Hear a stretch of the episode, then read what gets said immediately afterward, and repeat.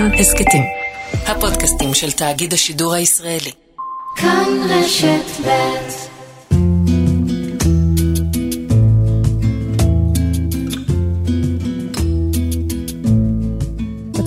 להתאמן בלהיכשל. אני ראיתי המון אנשים מאוד מוכשרים במהלך החיים שלי, שהייתי אומרת, בוא'נה, תשמע, הבן אדם יכול אה, להיות אה, זוכה פרס נובל, להוביל את כל תחום המדע קדימה, אבל הם לא ידעו להיכשל. לפעמים לדעת להיכשל זה לדעת אחר כך להיכשל, ליפול, לקום, להגיד תודה רבה שלימדת אותי, ולקום הלאה. דוקטור קירה רדינסקי, בוקר טוב. בוקר טוב. איך להציג אותך? אז אני היום פרופסור מבקר בטכניון, ומדענית ויזמת הייטק. יזמת הייטק. מה החומרים שבהם את מתעסקת? הרקע שלי הוא בתחום של בינה מלאכותית, ואני היזמת יחד עם פרופסור משה שוהם ויונתן אמיר של Diagnostic Robotics. תכף נגיע למה אתם עושים במקום שאותו ייסדתם. בואו נדבר קודם אולי על בינה מלאכותית. אה, אני חושבת שאנשים יכולים לשער מה זה, אבל טיפה תכניסי אותנו לתוך זה. אה, לדמיין מה, מכונה ענקית, מחשב ענקית, שזורקים לתוכו חומרים ומידע, והוא מאבד אותו? זה לא כזה רומנטי, המחשב לא גדול, זה אותם מחשבים של לפטופים שיש לכולנו, ורוב העבודה כיום נעשית בענן. אה, רוב העבודה הראשונה שלי הייתה איך אפשר לקחת את כל ההיסטוריה האנושית בצורתה הכתובה, מ-1850 עד היום. למה 1850? כי משם היה לי את כל החדשות. Okay. אוקיי. לפני זה, לצערי, עוד אה, לא נשמרו הנתונים מספיק טוב.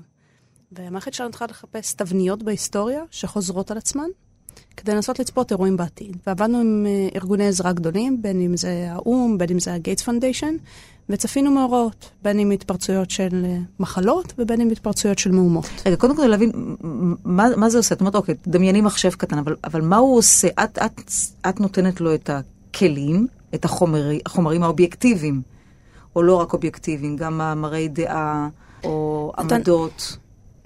נתנו לו גישה לכל הניו יורק טיימס, BBC ועיתונים נוספים. במהלך השנים גם התחלנו להוסיף אה, מידע מהרשתות החברתיות, שזה טוויטר, ויקיפדיה גם וכולי. אקדמיה לא? חומרים אקדמיים? לא בעבודה הזאת, בעבודה אחרת התעסקנו במאמרים קליניים, ששם ניסינו ממש להבין איך אפשר לתקן הטיה כלפי נשים, איך אפשר לנסות לצפות את התרופה הבאה וכולי. אבל מה משותף בכל הדברים שאנחנו מתעסקים? אז אנחנו ספציפית מתעסקים בתחום של למידת מכונה. כלומר, המערכת יודעת לקרוא את כל הנתונים שאנחנו מנגישים, וסטטיסטית לחפש תבניות. מה זה קוראת? היא קוראת את הטקסט? בואו ננסה להיזכר מה עשינו בכיתה י'. אני זוכרת, היינו צריכים לעשות נושא, נשוא, מושא. איך היינו יודעים מה זה נושא? היינו שואלים את עצמנו, מי עושה הפעולה? בדיוק את החלק הזה גם עושה המערכת. אנחנו נותנים לה לתאר לך את כל הבגרויות בכיתה י', של כל התלמידים, וכל מקום שהבורה סימנה בו וי, המערכת סטטיסטית מנסה לראות איך נראה נושא, איך נראה נשוא. אי אפשר להגיד שהיא באמת מבינה, אבל היא יודעת לפרק את המשפט ולהבין מי עושה איך, את הפעולה. מה, מה הפעולה הטכנית שקורית בתוך המערכת? משהו מנס... נפגש עם משהו? אה... לא, היא מנסה לחכות. היא רואה עשרת אלפים בחינות, ומנסה okay. אוקיי. לראות מה היה משותף לכל פעם שמישהו סימן נושא והמורה הסכימה. אז המחנה המשותף הרחב ביותר הוא יהיה התשובה שהיא תיתן? אמ, זה בעצם הממוצע. הממוצע? אוקיי. Mm-hmm. Okay. של כל הנתונים שהיא מקבלת, היא משקללת אותם ויוצרת uh, ממוצע. Uh, והוא המסקנה? אז בואו נדבר על איזה חלקים. אז uh, דבר ראשון זה פירוק המשפט.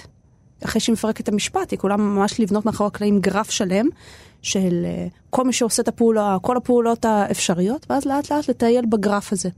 וככה לנסות ממש לזהות תבניות, להבין עבור כל אירוע מי עשה אותו, על מה היא נעשתה, איפה, מתי וכולי, ואז נעשה החלק של ההכללה. היא קוראת הרבה מאוד אנציקלופדיות ומנסה להכליל.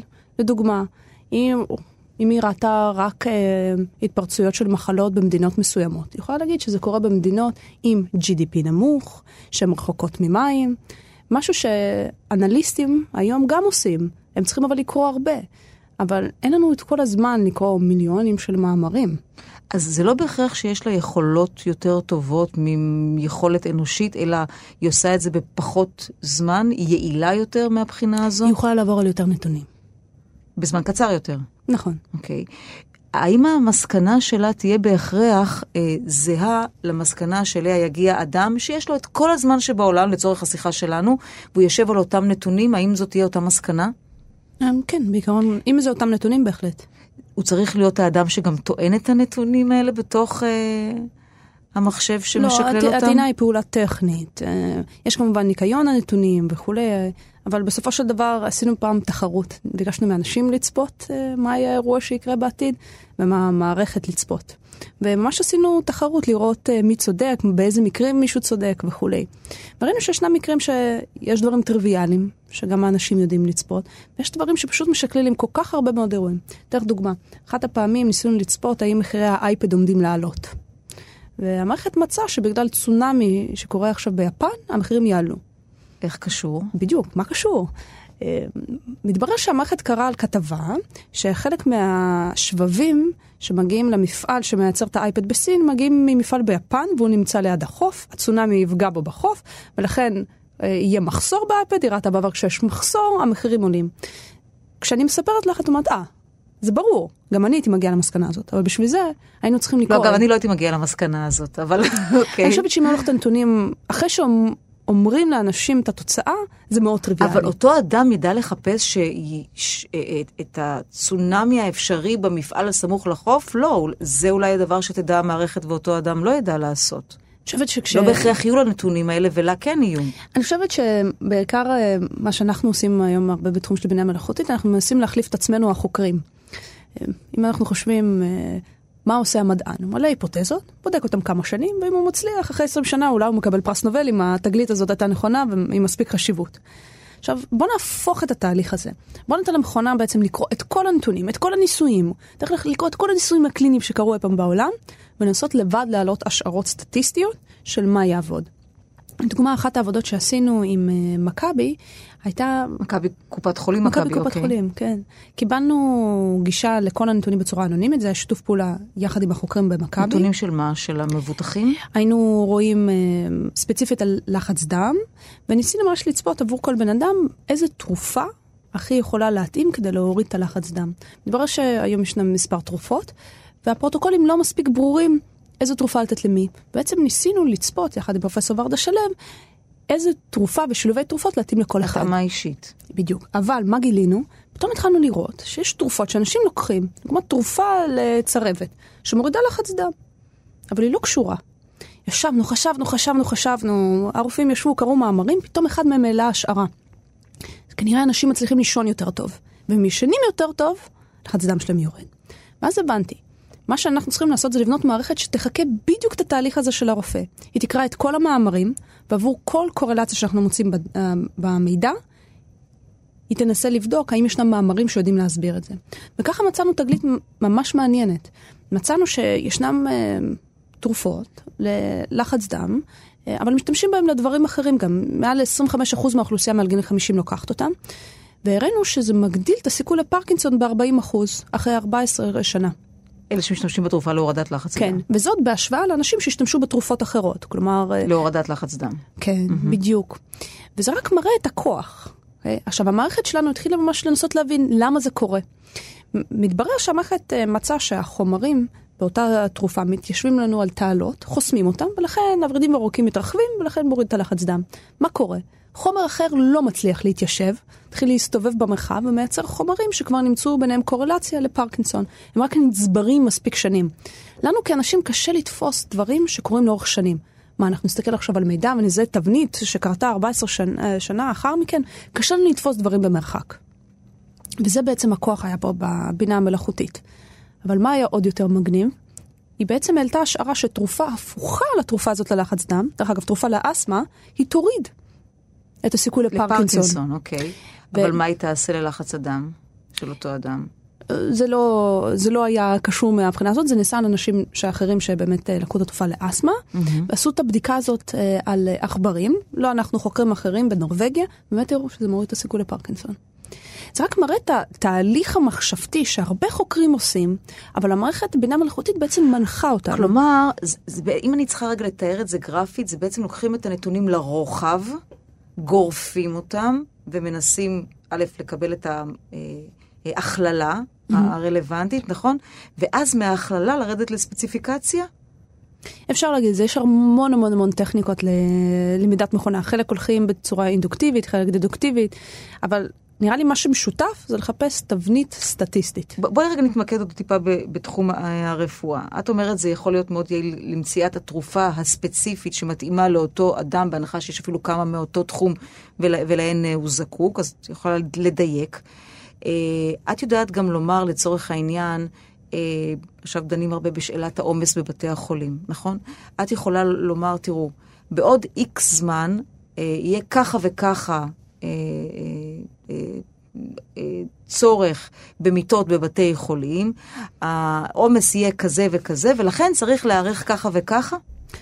קודם כל, כן, וגם העבודה שלנו בדיאגנוסטיק רובוטיקס יחד עם משרד הבריאות, לפחות בגל הראשון, הייתה בדיוק זה. אני אז- אזכיר לכם מה קרה בערך לפני שנה וחצי. הגיע שנה. וחצי את אומרת, את מסמנת תחילת הקורונה, אוקיי. כן, התחיל הגל הראשון, לא ידענו כלום על הקורונה.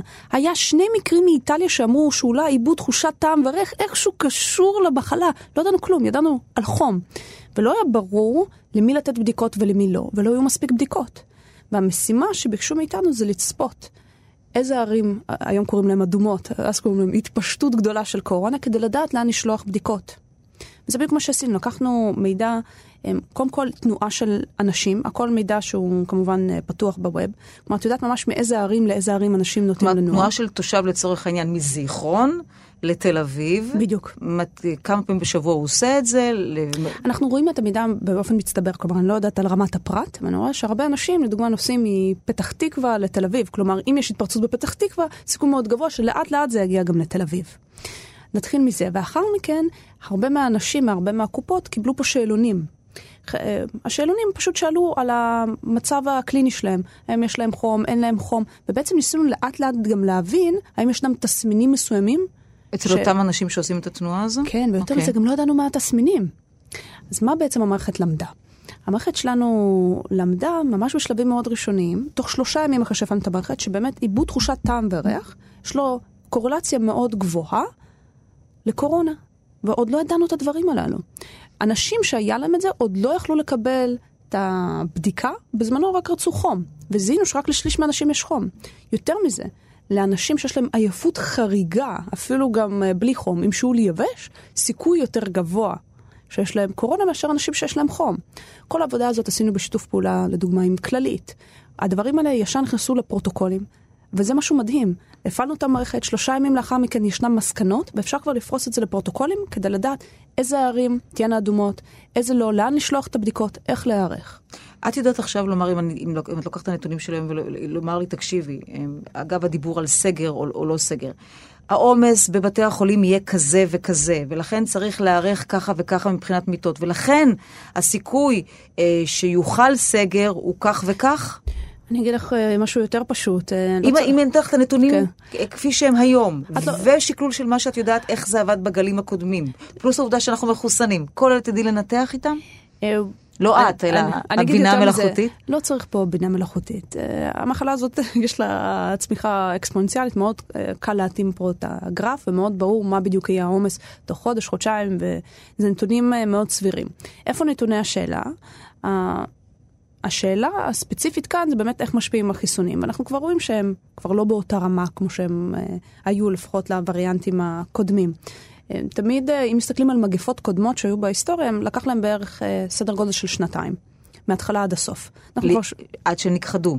כן. אוקיי. מה קורה ומיוחד כאן שלא ראינו בדברים הקודמים? באמת הווריאנטים. זה לא שהצלחנו לחסן את כולם בבת אחת ואז היינו עוצרים הכל. אבל זה דפוס הגיוני של מחלה, בשביל זה אני לא צריכה בינה מלאכותית או מישהו שינתח, לדעת שבמחלה מתפתחים ממנה וריאנטים ויש סיכוי שזה תהיה הסתעפות. אז זה מה שמאוד מעניין. אה, וירוסים שלא הורגים, אוקיי? האמת, וירוסים אפילו מעדיפים אה, לא להיהרג אם אנחנו נחשוב על זה.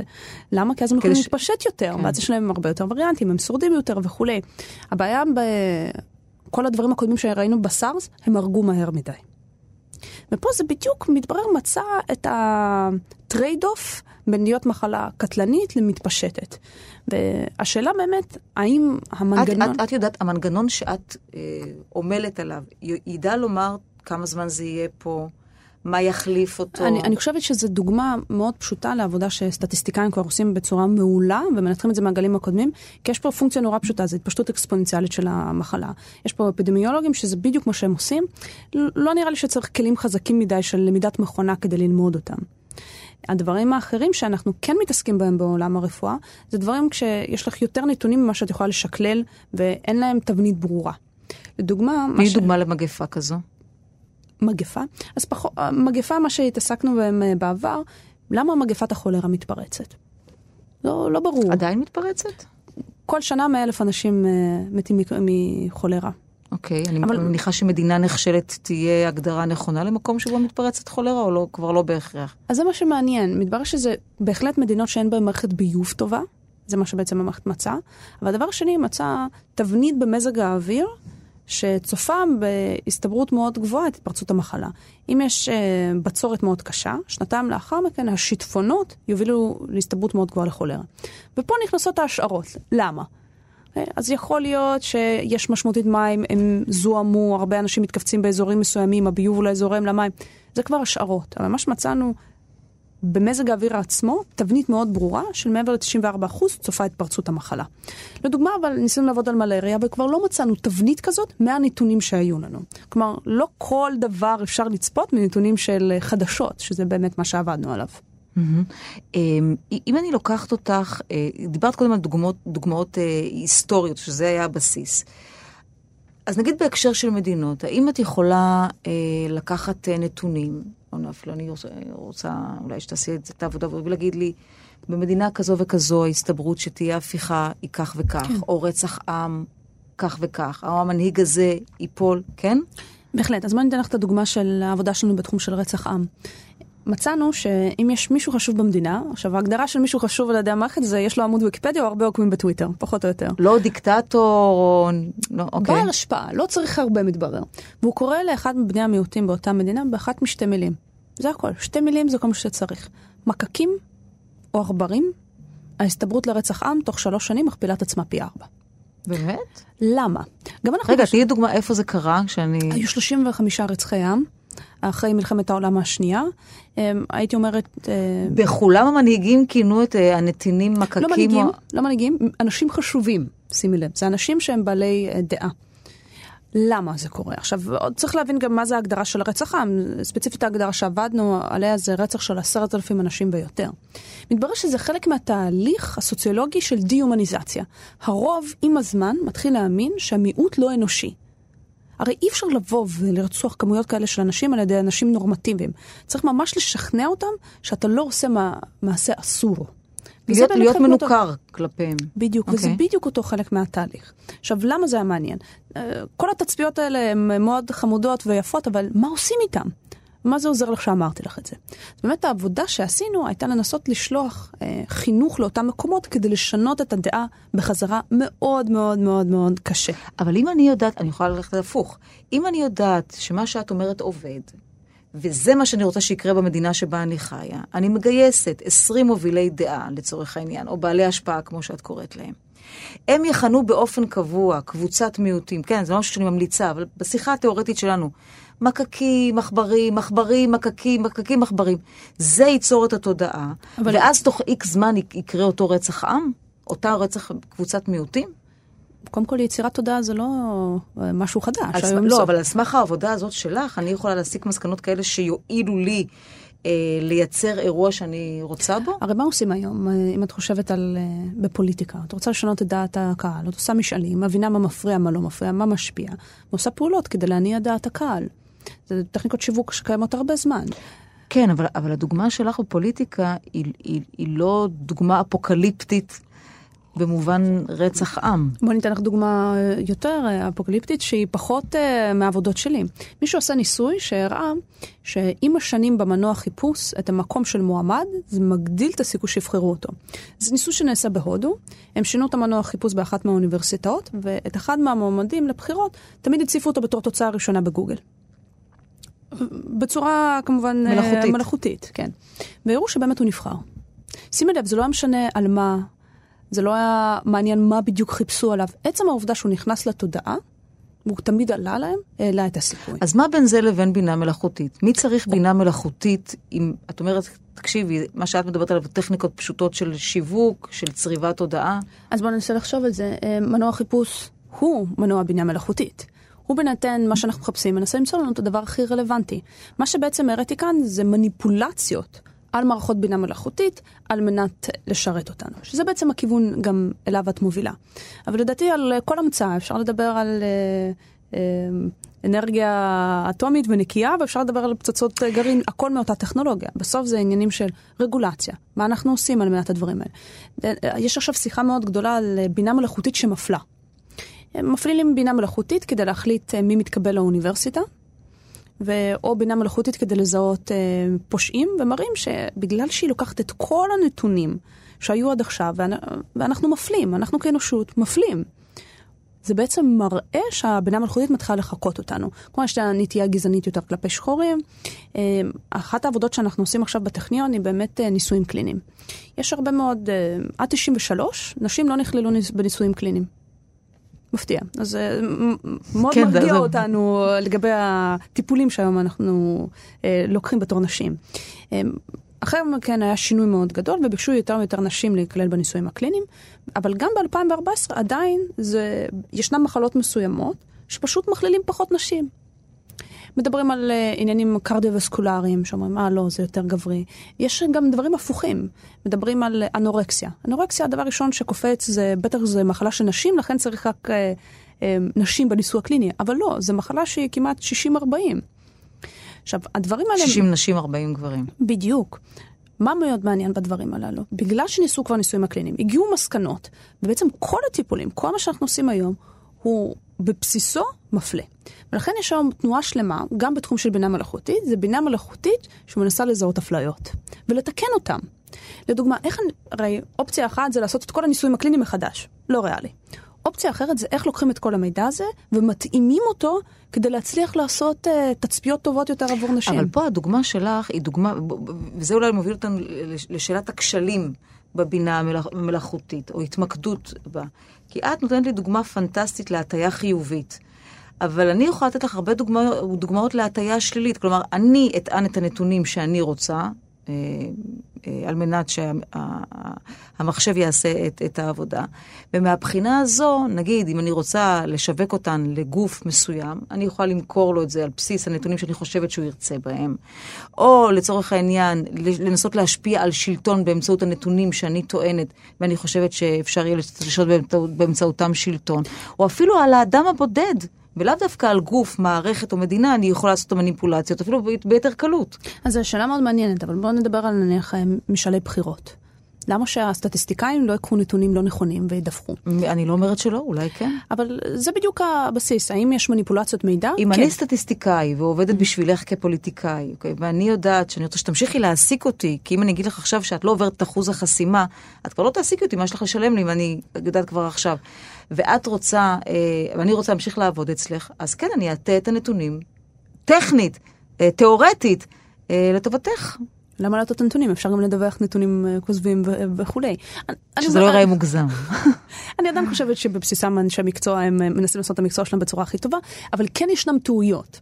הדוגמאות שאני נתתי, לדוגמה, אה, ללמוד מכל המאמרים הקליניים על מה צריך לעשות לנשים, זה לא שמישהו התכוון לעשות משהו רע לנשים, פשוט זה המידע שיש כיום בעולם. זה לא שמישהו אה, מנסה לצפות איפה הפשע הבא ומצביע יותר על שחורים. פשוט ישנה אפליה מראש, והמערכת פשוט למדה את זה. אמ, אחד הדברים שראינו גם, לדוגמה, בקבלה לאוניברסיטאות, אומרת, בסדר, למה אני צריך גיוון? אני אלך על אותה אוכלוסייה, בני 18, עם רקע ספורטיבי, לבנים, מהורים עשירים. אבל פה זה התפקיד שלנו להגיד מה זה הגון, דמוקרטי, שוויוני, שאנחנו בתור חברה רוצים לקדם, ולדרוש שזה יהיה חלק מהנתונים. כלומר, אתה לא יכול להכניס נתונים שלא מקיימים תנאים מסוימים. אני לא אגיד לך שעוד פתרנו את זה. אנחנו ממש בהתחלה, קוראים לזה ממש bleeding edge technology.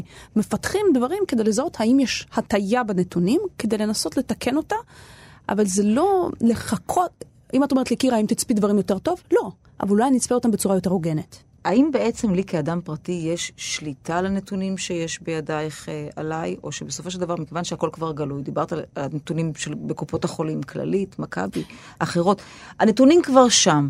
אם המערכת שלהם נותנת גישה לנתונים האלה, אפילו בסיסיים אה, של גיל, אה, משקל, אה, לחץ דם, לא, לא, אפילו לא משהו אה, פולשני יותר, את יכולה להקיש אה, היקש, היקשים ולהסיק מסקנות שבעצם אין לי שליטה עליהם, ואת יכולה לצורך העניין לטרגט אותי בעקבות הנתונים האלה למטרות חיוביות, ולמטרות אבל שליליות במקביל. אז בוא נדבר על נתונים קליניים. קודם כל נתונים קליניים הם אה, תחת רגולציה שלמה, כלומר, אם את שואלת אותי, קירה, האם את רואה משהו? לא, אני לא רואה, אני רואה נתונים אגרגטיביים, ויותר מזה, זה החוקרים, הרופאים בתוך הקופה, הם משתמשים במערכות. על פניו כן.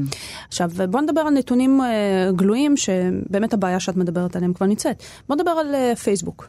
Mm-hmm. בפייסבוק uh, היה מאמר נורא נחמד של חוקי בינה מלאכותית, הם הראו שאם משנים את הניוספיד ומראים לך דברים קצת יותר עצובים, את לאט לאט מפתחת דיכאון. Mm-hmm. מאוד מעניין, ואת אומרת, אבל אין לי שליטה בזה. הם החליטו מה יש לי בניוספיד, הם הראו את זה. דרך אגב, מאמר שקיבל תעודה מאוד שלילית. את בעצם עושה שינוי תודעה ומצב רוח של אנשים. מדהים. בהנחה ה... שזה מה שאותו אדם צורך, כן, זה, זה עולמו. יותר מזה, ואת מראה לו רק דברים שליליים, וזה באמת משפיע על המצב רוח. זאת אומרת, איך אני יכול לשלוט בזה? אני מסתכל על זה, ובפייסבוק החליטו להראות לי רק חדשות עצובות. למה היה סקנדל מאוד גדול לגבי טראמפ? פייסבוק, אה, מישהו התחיל לקנות פרסומות שמעלות את טראמפ, ואנחנו יודעים כבר שקשורים הרבה מידע על מישהו, זה מעלה אותו לתודעה שלנו. זה, אין פה... וזו שאלה מאוד מעניינת. היום, אה, לדוגמה על פרסומות, את כן יכולה לשלוט איזה סוג פרסומות, אבל זה לא באמת בשליטתך. יש שם אלגוריתמים אלגוריתמים שלמים שמנסים להתאים את הפרסומת המושלמת לאדם המושלם. אה, אחת העבודות שנעשו בתחום של commerce, אה, זה האם אפשר מההיסטוריית קניות של אדם לזהות את האישיות שלו. יש אה, בשיווק אה, מי הוא introvert, extrovert וכולי, ממש לקטלג, ובעזרת זה להראות מוצרים שיותר אה, מראים על האישיות, והראו ממש שיפורים גדולים מאוד בביצועים ובמכירות בסופו של דבר. דרך אגב, חלק יטענו שזה טוב, במקום שיראו לי סתם מוצרים שאני לא רוצה, סוף סוף אני מקבל חוויה מותאמת אישית. בואו נדבר על תחומים אחרים, שדווקא יש שם אולי דברים כן חיוביים. אם אנחנו, אף אחד מאיתנו לא יחלוק את המידע שלו. אז לא נוכל לזהות איזה תרופות אפשר להעביר למחלות אחרות, כל התחום של drug repurposing. אם לי יש איזושהי בעיה קלינית, האלגוריתם רץ אליי ויכול לזהות אה, חס וחלילה שיש לי איזושהי מחלה תורשתית ויש הרבה מה לעשות, רק צריך לתפוס את זה בזמן. אבל אני לא חולק את הנתונים שלי. בוא נדבר על טרור. אם לא ניתן את הנתונים, לא נוכל לזהות אנומליה ולזהות את הטרוריסט הבא.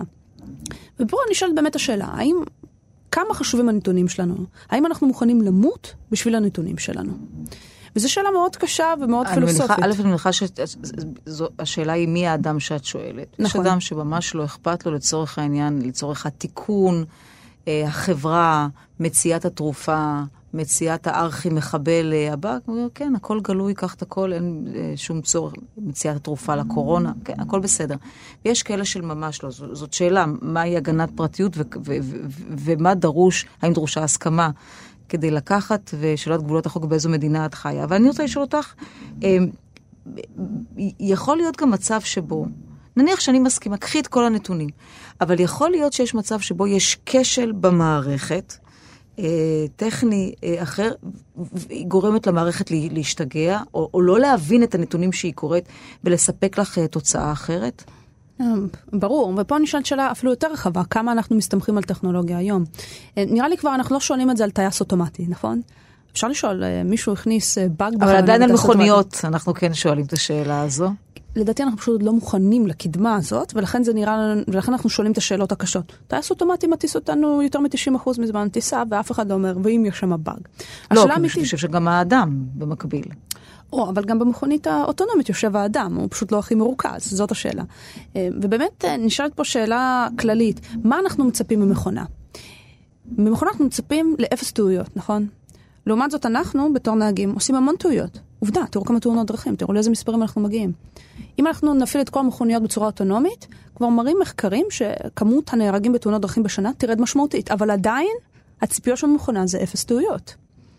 עכשיו, האם אפשר לקרוא את הנתונים לא נכון? בטח. אנחנו הרי הרבה פעמים, כשהנתונים שאנחנו מקבלים, אנחנו לא יודעים בדיוק איך הם הגיעו. אנחנו לא יודעים מאיזה מקורות. דיברתי עם אה, רופא, הוא מנהל אה, אחד המיונים פה בארץ, הוא אמר, בשנות ה-80 הוא קרדיולוג. הוא אומר, הביאו לי אק"ג ואני חשבתי, איך יכול להיות שאני לא אאזין בסטטוסקופ לפציינט? מה, זה, זה נראה לו מטורף. הוא אומר, זה אחריות שלי, ניתן למכונה להגיד לי מה קורה. עברו כמה שנים, והיום אין אף רופא שאומר, מה, אני לא אשתמש באק"ג? נשמע אבסורדי. ככה זה גם בינה מלאכותית. כיום זה נראה לנו מטורף, אנחנו רק צריכים למצוא את המקום, ואני מאמינה מאוד גדולה ב-decision support system, בדיוק כמו שאמרת. יש אדם, הוא מקבל את הנתונים, הוא צריך להחליט ולהבין איך המכונה עובדת כדי לזהות גם את הכשלים שלה.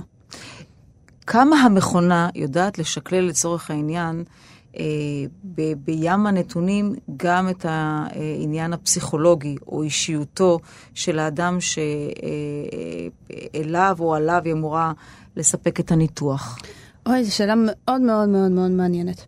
אחד הדברים שהתעסקנו מהם אה, בתחום של בייס, בעצם אה, אפליה, ניסינו להראות אה, לרופאים מה היה קורה אם הפציינט שמולך היה לדוגמה לבן בגיל אחר. איך אתה בעצמך היית מתנהג. וראינו שההתנהגות הזאת, זה מחקר בהתחלה, זה נתונים מאוד ראשונים, באמת ראינו שזה מאוד משפיע על הדעה שלהם. בעצם מערכת שהיא סימולטור שלך, שאומר לך איך אתה היית מתנהג, ונותן לך בעצם ראי. נתונים אחרים זה כבר מחקרים אחרים. לא, ש... אבל מה זה הראה? זה באמת הראה שהם משנים את הדעה שלהם. לטובה? ההגדרה של טובה היא משהו אחר, אבל הם שינו את הדעה שלהם בצורה שאין לנו עדיין את התוצאה הקלינית, שבינתיים התוצאות שכן ראינו הם פשוט מספרים קטנים, באמת התוצאה הקלינית הייתה יותר טובה מאשר אם היו עושים משהו אחר. מחקרים אחרים הראו שאם אתה מראה לדוגמה לרופא, שהוא אנומליה. כל שאר הרופאים היו מתנהגים אחרת, לא כמוך. כלומר, כל הפעמים האלה, הנה כל האירועים, ש-90% מהרופאים היו עושים משהו אחר. אני חושבת שזה גם מנגנון שנותן לך הרבה פעמים פידבק. הרבה פעמים במקצועות שבהם אנחנו עובדים, מזל אם יש לך מנהל או קולגה שנותן לך פידבק על מה שאתה עושה. ופה המערכות בינה מלאכותית הן מערכות לנתנת פידבק שאומרות מה רוב האנשים היו עושים. הרי המערכות הסטטיסטיות האלה הן, אה, לפי הגדרה, הרופא הממוצע. מה הרופא הממוצע היה עושה? דרך אגב, גם במשפט, אם יש תביעה, אומרים מה הרופא הממוצע היה עושה. ופה יש לנו בעצם הגדרה מתמטית שמומשת בתוכנה, שאומרת מה הרופא הממוצע היה עושה. עכשיו, האם זה משנה את הדעה? לחלק כן, לחלק לא. אמ, הדוגמה שנתתי לדוגמה במכירות, שזה ממש לומד את האישיות ומראה אפילו תיאור מוצר בצורה אחרת בהתאם לאישיות. אז יש הרבה מאוד עבודה סביב זה. כל התחום מחקר הזה של בין, אה, בין אדם למכונה ואיך לבנות אינטראקציה יותר טובה, היא מדהימה. הרי כל ה-brain machine interfaces היום, שמחברים אלקטרודות לראש, mm-hmm. ואם את ממש מתרכזת חזק, הניורונים המוטוריים ממש יכולים לפעול, ואז את יכולה נניח להזיז מכונה אה, רק מכוח המחשבה כביכול. אני רק אומר לטובת מי שמצטרף ומצטרפת אלינו עכשיו, שאנחנו משוחחים עם דוקטור קירה רדינסקי, אנחנו מדברים, אני אגיד את זה בגדול, על בינה מלאכותית או קריאה. אפשר גם קריאת נתונים. קריאת נתונים, כן. אמ, אז בעצם את אומרת, התחום הזה של אה, קריאה במקביל של הפסיכולוגיה של האדם, שאמור להשתמש בנתונים, וגם הנתונים אמורים להיות מתורגתים אליו, הוא עדיין בחיתוליו? כלומר, יש לנו את המסגרת, יש לנו את הדרך לעשות את זה, אבל את ההתאמה הזאת של להבין, גם לשקלל את מה שאין למכונה, או לפחות עדיין אין למכונה, את היכולת להבין את נפש האדם הספציפי, לא באופן כללי את נפש האדם, זה עדיין לא קיים? לפעמים אני משתעשעת מלקרוא על אה, אנשים שמדברים על אה, הסינגולריות בגלל בינה מלאכותית. יבוא היום, בינה מלאכותית תשתלט על כולנו. לא בהקשרים האלה של ה... או שאולי כן, אני יודעת, אז של ה... אז אני אגיד אה, איפה הסטטוס של בינה מלאכותית. science fiction. אז זהו, אז מדברים, את הרבה פעמים שומעת גם אילון מאסק ואחרים שאומרים שבינה מלאכותית, אנחנו חייבים לבנות את הרגולציות והדברים האלה. המצב היום של בינה מלאכותית, את יכולה להראות תמונה של חתול ובננה שהם מספיק דומים, ולא תדע להבחין ביניהם. לא תדע להבחין ביניהם. אוקיי? עכשיו, עדיין ישנם הרבה דברים מדהימים שבינה מלאכותית עושה. הדוגמאות של מכוניות אה, אוטונומיות, זיהוי אה, פנים, זיהוי אה, תרופות, ייצור אפילו מולקולות פוטנציאליות לתרופות, אבל עדיין אנחנו עוד לא פתרנו את הבעיה הזאת. זה לא מערכת חיה ונושמת בפני עצמה. בסוף גם לזה נגיע. אבל תראי, למשל, אוקיי, לצורך העניין, אני, אוקיי, אני רוצה, את, את רוצה אה, לכוון אליי אה, מסרים, יעד, או אפילו לנתח את הצרכים שלי מבחינה תרופתית. אוקיי? אז יש לך את הנתונים הקשיחים של uh, סוג דם, לחץ דם, uh, מחלות, uh, כל, כל ההיסטוריה הר, הרפואית שלי. אבל מה שאין לך, אולי, זה את, ה, את נתוני האישיות, את, את, את, קו, את קו המחשבה. כי לא, כי, כי גם, אם, גם אם אני משווקת לך אותם, אולי אני מייפה, אולי אני ממעיטה, אולי אני לא נותנת את כל התמונה המלאה. שאלה מדהימה. אז אחד הדברים שבאמת אנחנו עובדים סביב זה, זה באמת לראות מה המשמעות הפסיכולוגית של הפרופיל של הפציינט, על מנת לשנות את הטיפול הקליני.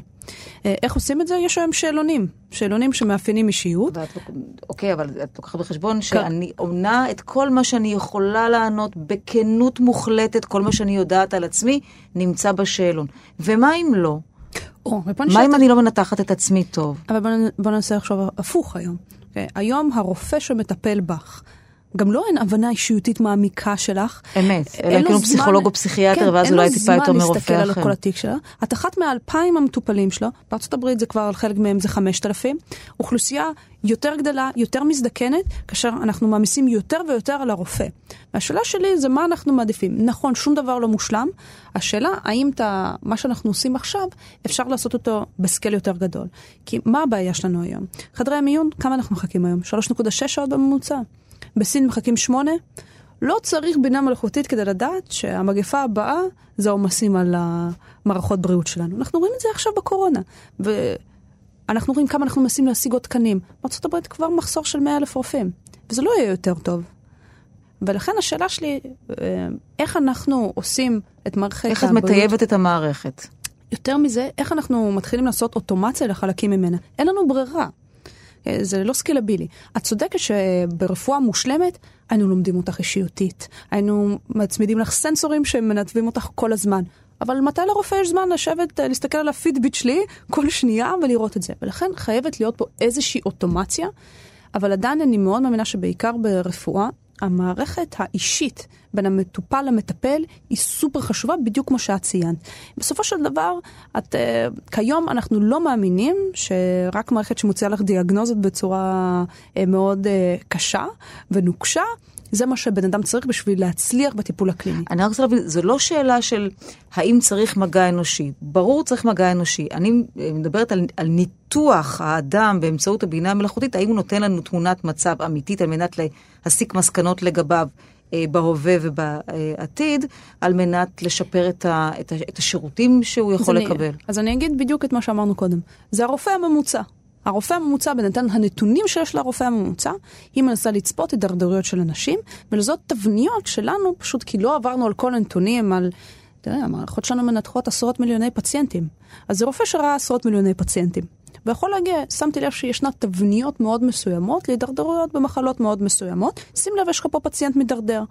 ומשם והלאה זה כבר החלטה של הרופא, איך לטפל, מה לעשות. אפשר להראות לו מה רופאים אחרים עשו כדי לעזור.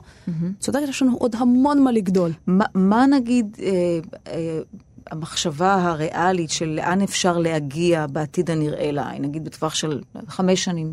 אוקיי, חמש שנים אה, זה מאוד מעט במערכת הרפואה. אה, מה שהיום אנחנו כבר עושים, אנחנו מנסים לצפות על עשרות מיליוני פציינטים, מי מידרדר בגלל מחלות נפש. אה, זה המחלה הבאה של המאה שלנו. מי מידרדר בגלל מחלות כרוניות, אבל עדיין אפשר לטפל בזה. מי אוטוטו... מה, למה את קוראת הידרדרות? או. אחת הבעיות שאנחנו גם רואים בקורונה בצורה משמעותית היא בעיות נפש שעוד לא זוהו. יש אנשים שיש להם מיגרנות, יש אנשים אה, שכל פעם כואב להם משהו אחר, והרבה פעמים מנסים לטפל בהם פיזית. והבעיה היא לא תמיד פיזית, וישנם טיפולים נפשיים הרבה יותר פשוטים. המספרים שאנחנו רואים הם מיליארדי דולרים נשפכים על אנשים שלא מטופלים נכון, כלומר מטופלים פיזית במקום נפשית. כשהמיגרנה היא בעצם הסימפטום שמשקף שיש בעיה, אבל הוא לא הבעיה, את אומרת. זה אחד מהדברים, עוד פעם, מיגרנה כשלעצמה זה לא מספיק. בואו נדבר על משהו יותר אה, אה, פופולרי היום. אה, כל התחום של לונג קוביד, קוביד ארוך. אה, מדברים על העובדה שאחרי שחולים בקורונה, לאט לאט מתחילים להתפתח סימפטומים של עייפות חריגה, כאבים, בעיות נשימה, שלוקחים חודשים שלמים. איך מטפלים בזה?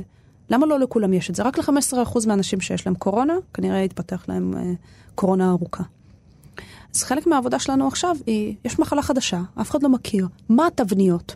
אז היום הדבר היחיד שנמצא בספרות, וכל אחד מגדיר גם uh, את המחלה הזאת בצורה אחרת. אז התבניות שהיום היו בספרות הן אסתמה, אנשים שהם אה, כבדי משקל. מחלות רקע. כן, אבל ספציפיות מאוד. והמערכת שלנו התחילה לרוץ ולזהות עוד ועוד ועוד תבניות. מעשנים, נשים מעל גיל 24, מעל uh, משקל מסוים שגם חוו מיגרנות uh, לפני כן, יש להם הסתברות יותר גבוהה לפתח לונג uh, קוביד וכולי וכולי. ופה באה בינה מלאכותית. אנחנו לא יודעים, אבל הנה המערכת עברה על 200 אלף חולי קורונה, ופתאום מזה התבניות שעכשיו אנחנו יכולים לחשוב איך מטפלים בפציינטים האלה. איזה דברים אחרים עזרו לפציינטים כאלה בעבר. אמ, אבל נגיד בתחום הנפש, אמ, אם נגיד אה, ניקח, את יודעת לקחת את הנתונים ולהגיד, אוקיי, הקורונה, מדברים עליה במונחים של אה, הסתגרות ובדידות ודיכאון וחרדה. אה, לקחת את הנתונים האלה שהם טיפה מעורפלים, כי אתה לא יודע, יודע לשים את זה במידת העוצמה שלהם על פני אותו אדם, לקחת את הנתונים האלה שהם יותר אמורפיים ולהגיע איתם למסקנות על מנת להיטיב עם האנשים בגלים הבאים או בהמשך טיפול קורונה? אז לא נראה לי שעדיין מצאנו מהנתונים דרכי טיפול, אבל זיהינו תבניות שמאפיינות את המחלות החדשות שאנחנו רואים עכשיו בתחום הנפש. למשל? אז אה, לדוגמה, כל התחום של לונג קוביד, okay. מחלה לא ידועה. לא ברור איך מטפלים בה גם. ישנם כל מיני השערות, אבל אנחנו פתאום רואים שישנם אנשים מסוימים שמגיבים לטיפולים מסוימים בצורה טובה, ואנחנו רואים את זה מתוך הנתונים. Uh, המערכת לא תמציא משהו חדש. יכולה רק להסתכל על דברים שהיו בעבר ולראות לאיזה אוכלוסיות משהו אחד מתאים יותר לאחר. אחת הטענות הייתה שכנראה שיש אה, דווקא בילדים יותר לונג קוביד, זה משהו שאנחנו לא רואים בדאטה. דווקא אבל על מגורים, אה, מבוגרים מעל גיל 24, בעיקר אה, נשים, בעיקר יותר כבדי משקל, בעיות אסתמה קודמות, אבל גם יותר מזה, אנשים שהיו להם בעיות נפש בעבר, זה רק מחמיר אותם יותר ויותר. ופה כבר נשאלת השאלה המאוד קשה תמיד בתחום שלנו, האם זה קורלציה או סיבתיות?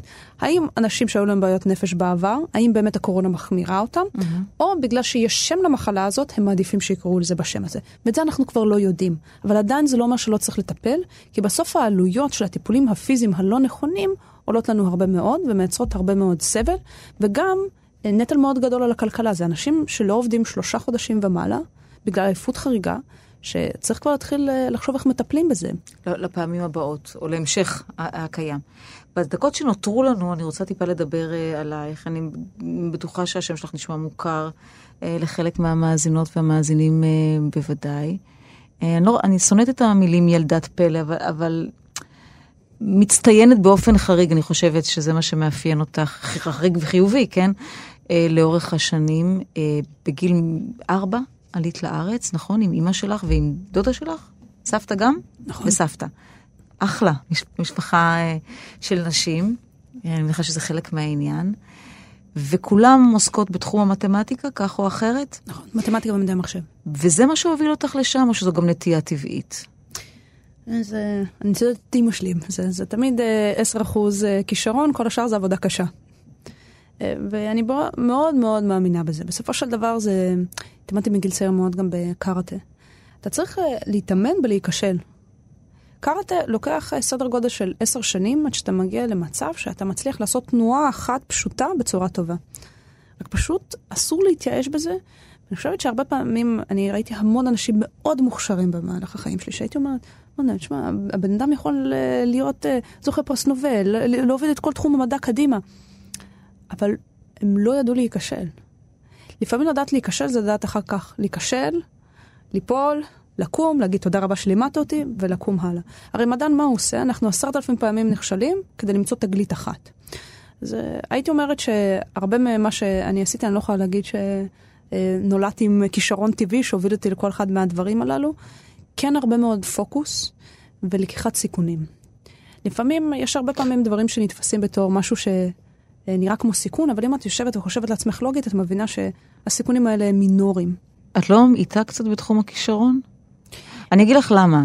אה, יכול מאוד להיות שיש גם מישהו שמאוד רוצה, הוריו מאוד דוחפים אותו, לא מפחד להיכשל, מנסה, מנסה, מנסה, מנסה, בסוף הוא עדיין לא יהיה ערן זהבי בכדורגל. אפילו שהוא, באמת, הוא מאוד רוצה, הוא מאוד, הוא לא, לא מחמיץ אף אימון, הוא חוטף, הוא לא, הוא לא מבקיע גולים, אבל הוא חוטף אה, לא מעט גולים. והוא לא יגיע. לא אמרתי שלא צריך את ה-10 אחוז. אוקיי. אבל רק 10 אחוז? זה גם הרבה מחקרים אחרים מראים את זה. בגלל שאני לא נפל במתמטיקה, אז אני שואלת אותך, כלומר, אם לא צריך יותר מזה על מנת, וגם אני נורא רוצה, אני נורא רוצה, אבל אני לא אגיע אה, כמוך. השאלה אם אה, הייתי יושבת עכשיו 24-7? התשובה היא לא, לא אצליח. אני נאטמת רק כשאני רואה את המספרים ליד, ליד שאלות בעברית. שאלה ראשונה, שלה, שם אני כבר נאטמת במתמטיקה. אבל, אבל את לא. אבל יותר מזה, יש אנשים שחלק מהעבודה זה לזהות במה הם טובים.